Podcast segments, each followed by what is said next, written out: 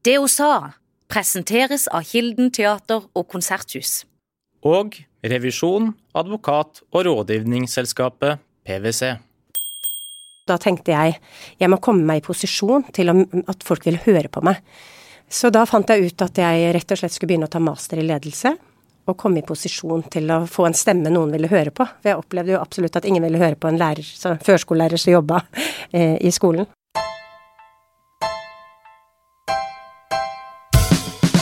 Karen Stenslund er enhetsleder på Mosby oppvekstsenter. Hun er utdannet førskolelærer med pedagogisk videreutdanning og har master i ledelse. Hun brenner for en skole der alle lykkes, og der lek står i sentrum. Skoler over hele landet ser nå til Mosby for inspirasjon. Karen Stenslund, velkommen til det hun sa. Tusen takk. Vi skal rett og slett begynne denne podkasten med å spole litt tilbake til der din karriere starta, og det var med noe ganske annet enn å være rektor eller enhetsleder i skolen. Hva var det som skjedde, Karen? Ja, altså jeg, jeg, eh, visste ikke helt hva jeg skulle gjøre egentlig da jeg var ungdom, men så søkte jeg for å bli reiseleder, for jeg var glad i å reise. Og så viste jeg da at jeg fikk jobb på Sunwing på Kreta, og da fikk jeg ansvaret for miniklubben. Fire til seksåringer fra tre forskjellige land, og det var ingen grense for hvor mange barn som kunne få være med. Så var vi to voksne, eh, to ungdommer, som skulle ta vare på disse barna, mens foreldrene var på ferie. Og eh, jeg var jo ikke helt klar over at jeg skulle jobbe med dette, men han som jeg jobba sammen med var jo enda mindre klar over det. Så han eh, var jo kommet ned for å feste og kose seg, og skjønte ikke helt dette her med barn. Så det vil jo si at jeg følte at jeg sto veldig alene med å underholde eh, opptil 100, eller 50-60 eh, barn fra tre forskjellige land i fire til seks år, og så fikk vi ikke gå til vannet. Og så var det mitt ansvar å sørge for at de fikk et fint opphold. Eh, og da må man jo dra en del opp av hatten. Ehm, så jeg føler kanskje det, det jeg lærte der, er at barn er ikke så forskjellige. Altså det språket som barn forstår gjennom lek, magi, det funker på alle. Det, da trenger man ikke Det er liksom et språk. Det funka hver uke. Uke etter uke, nye barn kom, og det opplegget som vi hadde med, som var litt magi og litt forskjellig, og lek, altså det, det var, fantes ingen barn der som ikke mestra dette. Og det har jeg på en måte tatt med meg videre. At hvis barn opplever mestring, og du legger til rette med det i forhold til det språket som de skjønner, så eh, så det gjorde noe med meg. Jeg var jo ung, og jeg tenkte jo ikke sånn sett eh, veldig over dette, men dette kom opp igjen eh, seinere i livet, når jeg begynte å jobbe med seksåringer. Så henta jeg opp alle de erfaringene jeg hadde fra Sunwing, da. Hva skjedde da? Nei, altså det var jo L97 eh, var kommet i og eh, seksåringen skulle over i, i, skolen. Og det var jo en spennende tid. Og jeg var førskolelærer i utgangspunktet, og fikk jobben til å ta vare på leken inne i skolen, og syntes jo dette var helt fantastisk. Og eh, fire til seksåringer, eller seksåringen er jo en nydelig publikum. Altså det er så, jeg følte det var verdens letteste publikum. Eh, skal det sies at jeg gjerne hadde, hadde jo egentlig lyst til å bli eh, skuespiller, men jeg greier jo ikke lære meg to eh, setninger etter hverandre, så det var klart jeg fikk jo også min lille scene foran disse små, som er verdens beste publikum.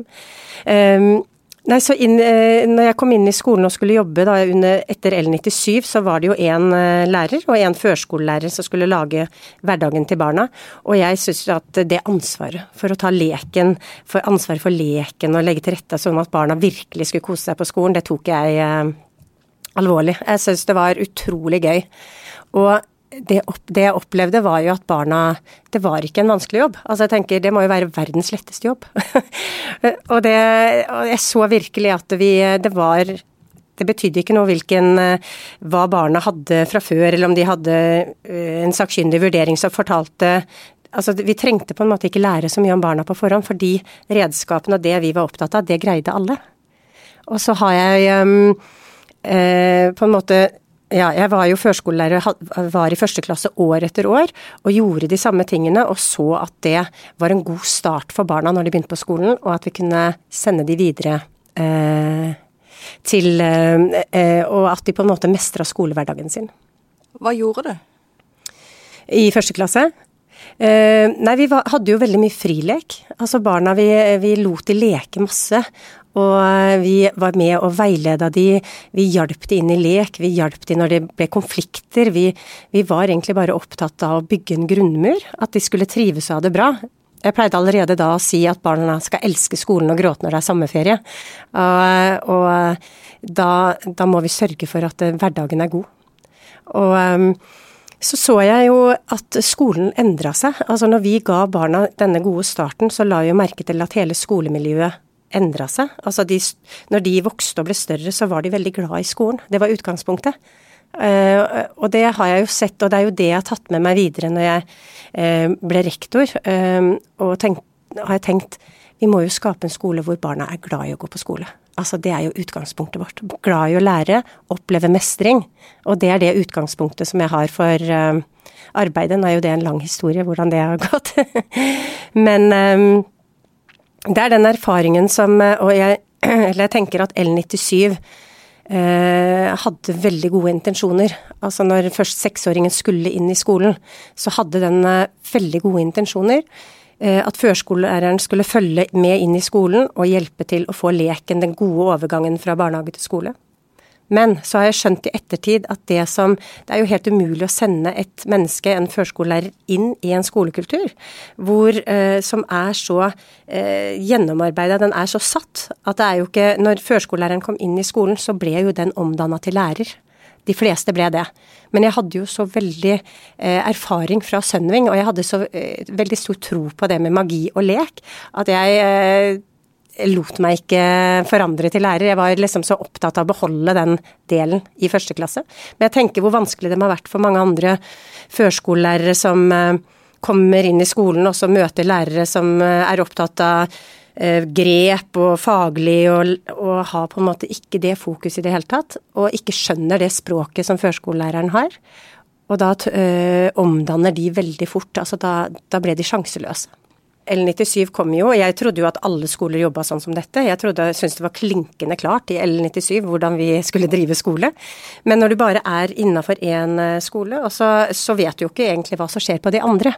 Så begynte jeg å skjønne på min rektor og sånn at øh, at det, at det, var liten tro på leken rundt omkring på andre skoler. At rektorene begynte å og, og, det ble en endring i samfunnet. Jeg skjønte på en måte at det hadde feila. Altså L97 hadde ikke lenger den eh, Folk mista troen på det. De mista troen på førskolelæreren som kom inn i skolen og ble lærer.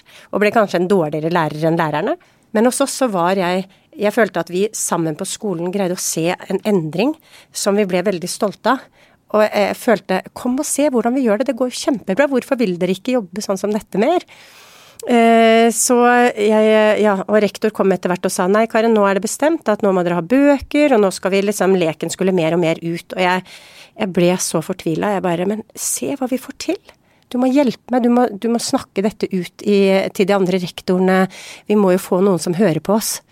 Men eh, det var helt umulig. Den, eh, den, eh, åpningen der ble mindre og mindre.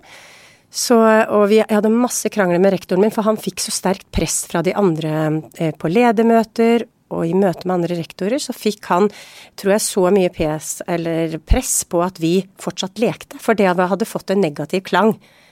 Leker dere? Altså, man lærer ikke da. Var liksom det nye det var en endring som var helt umulig å, å, å, stoppe. Og jeg følte at jeg var den eneste som sto på barrieren og ropte Hør da! Vi har jo fått det til, kom og se! Vi har jo vist i praksis gjennom ti år at elevene blir rolige, fornøyde, at de elsker skolen.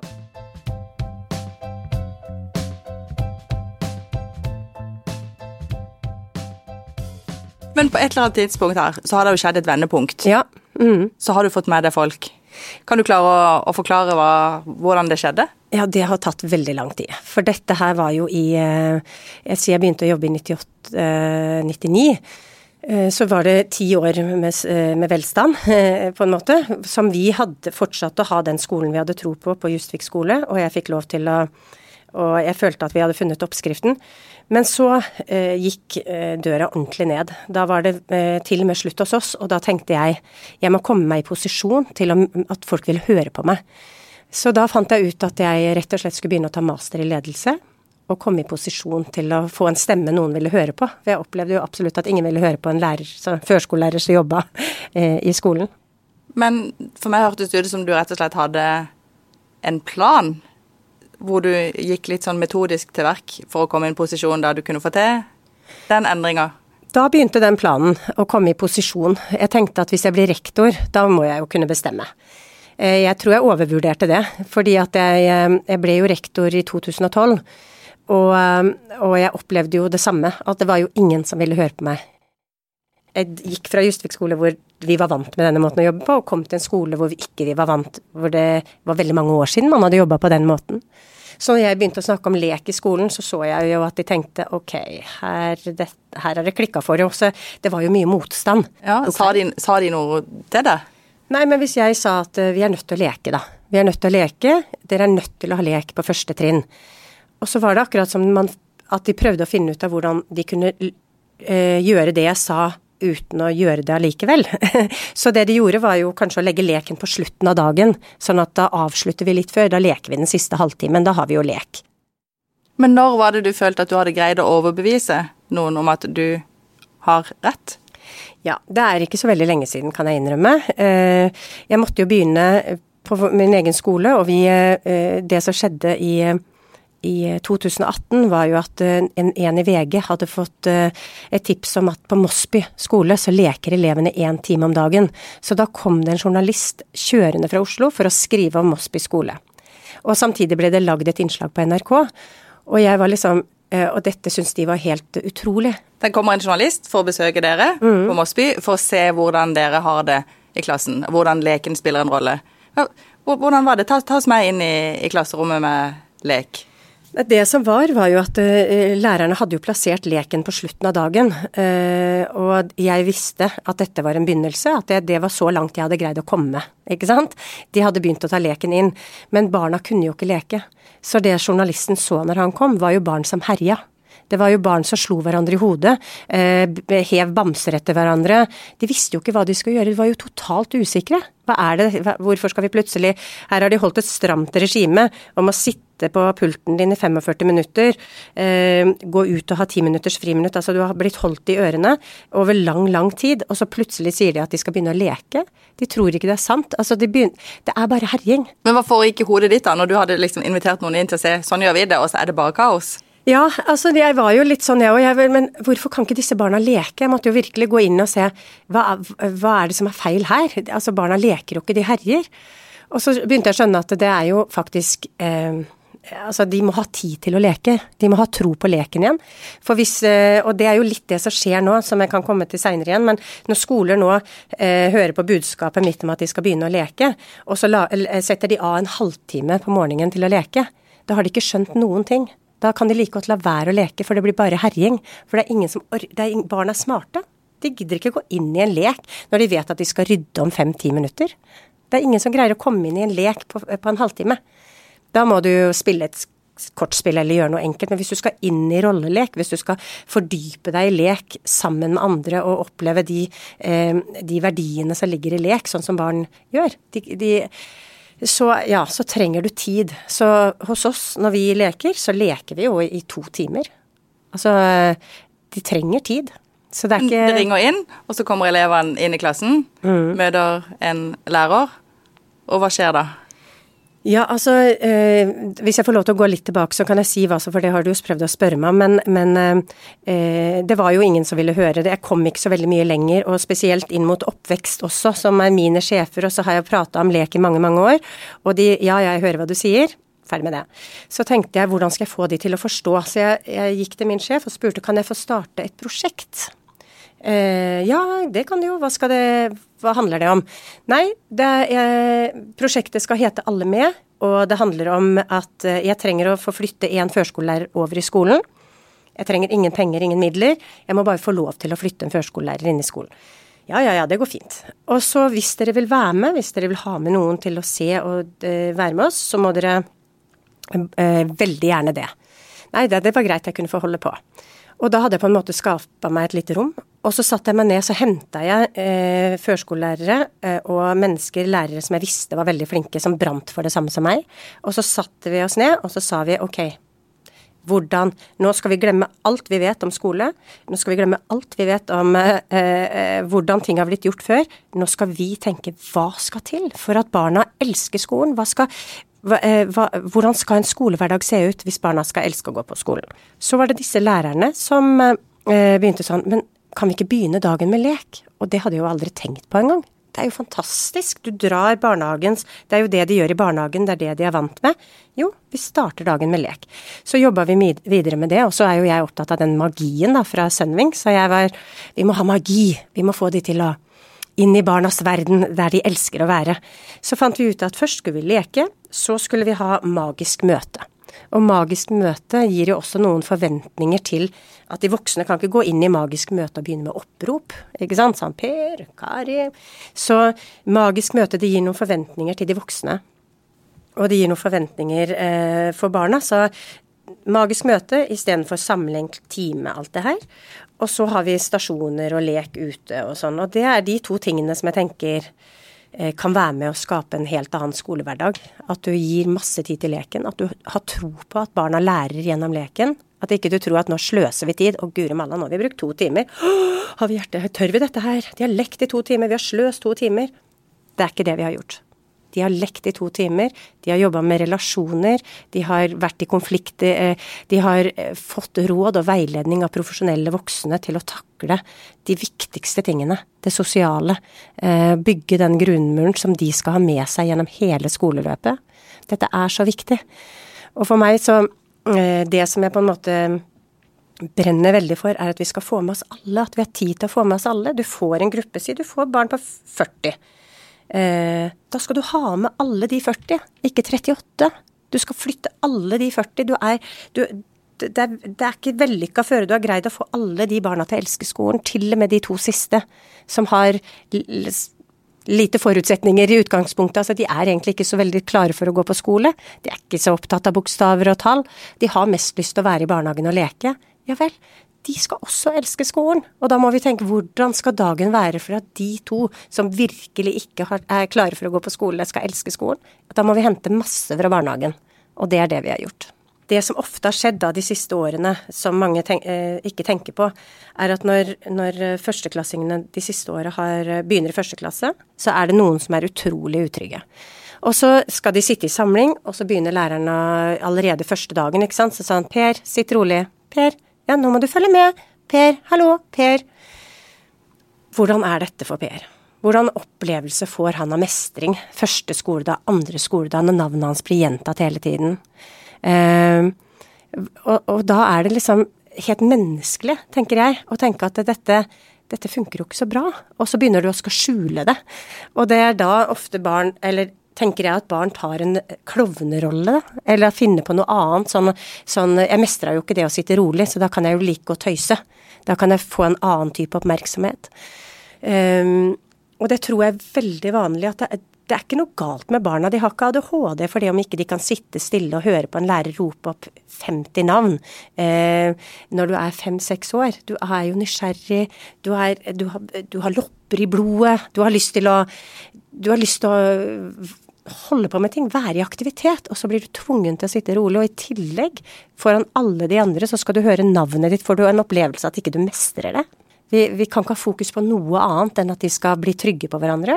Få lov til å leke sammen, og de voksne sier 'kom, bli med i denne leken'. Og de voksne er med i leken. De leker med de som i barnehagen. Og det er jo uvant i skole.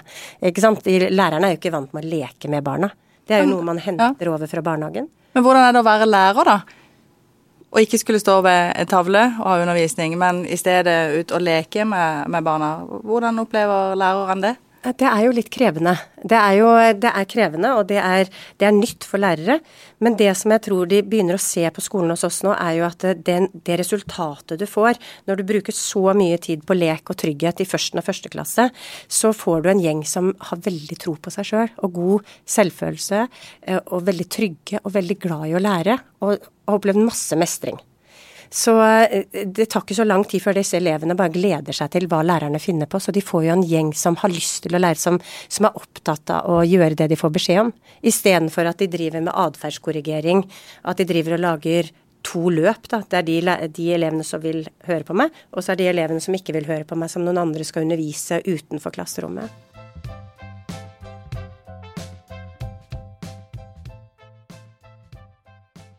Altså, Vi har jo begynt med lek på alle trinn i år. Vi har begynt å leke på mellomtrinnene. Og de lærerne på mellomtrinnene de har jo på en måte sett hva de på småskolen har fått til.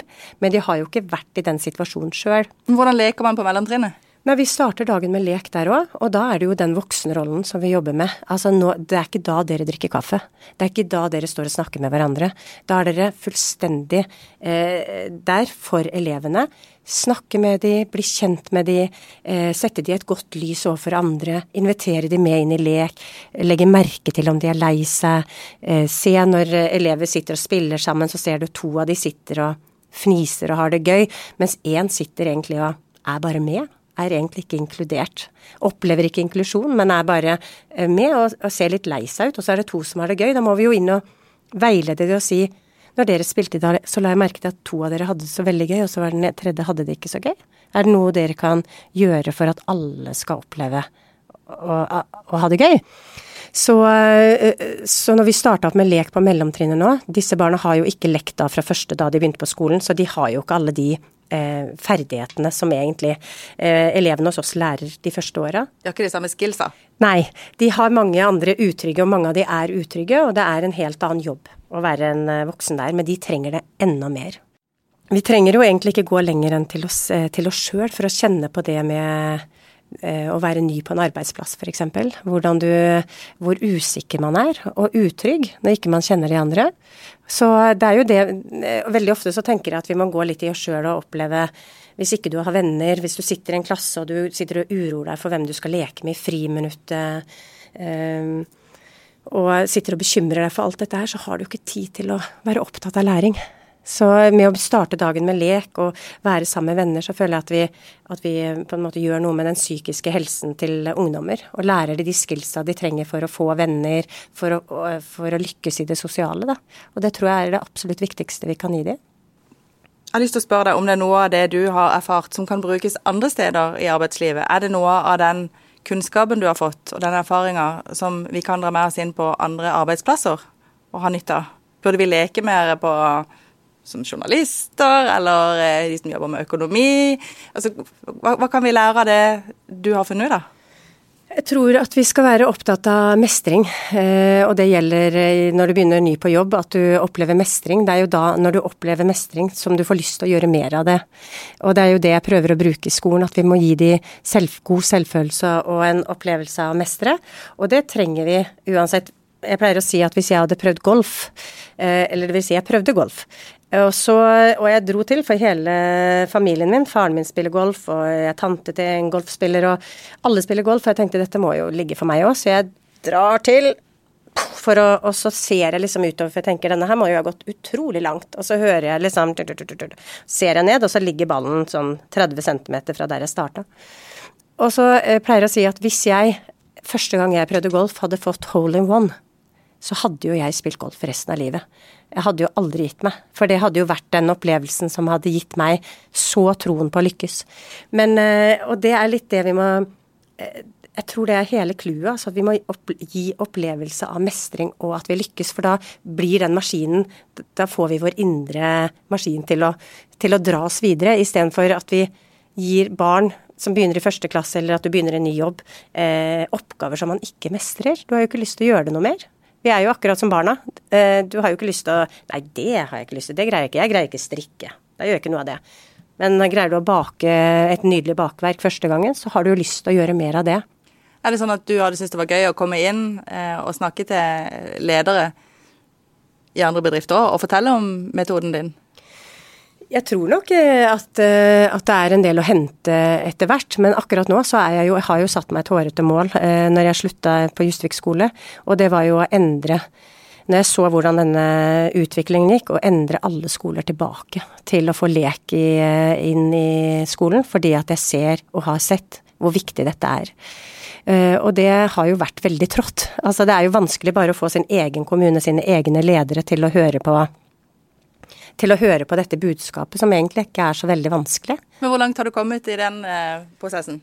Ja, altså nå fikk jeg eh, i, eh, i, våres så spurte jeg min leder om jeg kunne sende ut et, eh, en invitasjon til inspirasjonssamlinger. For det var jo ikke noe å trykke ned på folk. Det var jo liksom da kan dere komme og høre, og så kan dere velge å ta med dere det dere vil. Og det fikk jeg lov til. Så da var det jo nesten 40 skoler som var på besøk. Og det som jeg opplevde, var jo at de var At de Altså, for første gang på alle disse årene så så jeg jo virkelig at budskapet mitt kom frem, og at de var kjempeinteresserte og hadde lyst til å jobbe som oss. Og, og når du kommer på besøk på skolen, så, så, tror jeg de bare merker atmosfæren, at det er en uh, utrolig fornøyde barn. Det er ikke barn som bare jager etter hverandre for å piske opp stemningen, eller som på en måte har skapt disse, gått inn i disse rollene for å, for å for å ta oppmerksomheten vekk fra dem. De, de gjør det lærerne sier, og de, de går rundt, de er så fornøyde. Så syns jeg fortsatt det er litt rart at eh, etter at 40 skoler har besøkt oss, at ikke eh, lederne i eh, mine da, sier, tenker at eh, kanskje vi skulle samle flokken vår, og så gi det budskapet til alle. Fordi eh, det er jo bare positive De effektene som kommer ut av dette, er jo bare positive. Det er ikke rakettforskning. Det er bare helt eh, Det er i praksis veldig, veldig enkelt. Alle kan få det til. Men nå har du jo holdt på med dette en stund. Mm. Og det betyr at de første, som, de første, elevene som var med på dette, de begynner å bli litt eldre nå og kan se litt tilbake på hvordan det var. Har du noen historier eh, der de har sagt til deg at dette faktisk har betydd noe for dem, eller at de har følt at det har vært godt å komme inn i, i den klassen? Jeg føler de sier det hver dag. Og når jeg når vi kommer besøkende inn i klassen og spør hvordan de har det, eh, om de trives. Du ser 36 elever som, som eh, går rolig rundt og gjør det de får beskjed om. Eh, jeg har en veldig god kontakt med elevene, tror jeg, og jeg tror de vet at, at Og er flinke til å si Vise at de trives, fortelle at de trives si til foreldrene sine at de trives. Så eh, vi får tilbakemeldinger hele tiden på at, eh, at, de har det godt på skolen. Så jeg pleier å spørre eh, om de kommer til å gråte når det er sommerferie, og da er det mange som, som sier ja. Og så er det læreren kom en dag og sa ja, de kommer og spør om de kan få komme på lørdag òg, men jeg sier at de må nesten være litt hjemme på lørdag.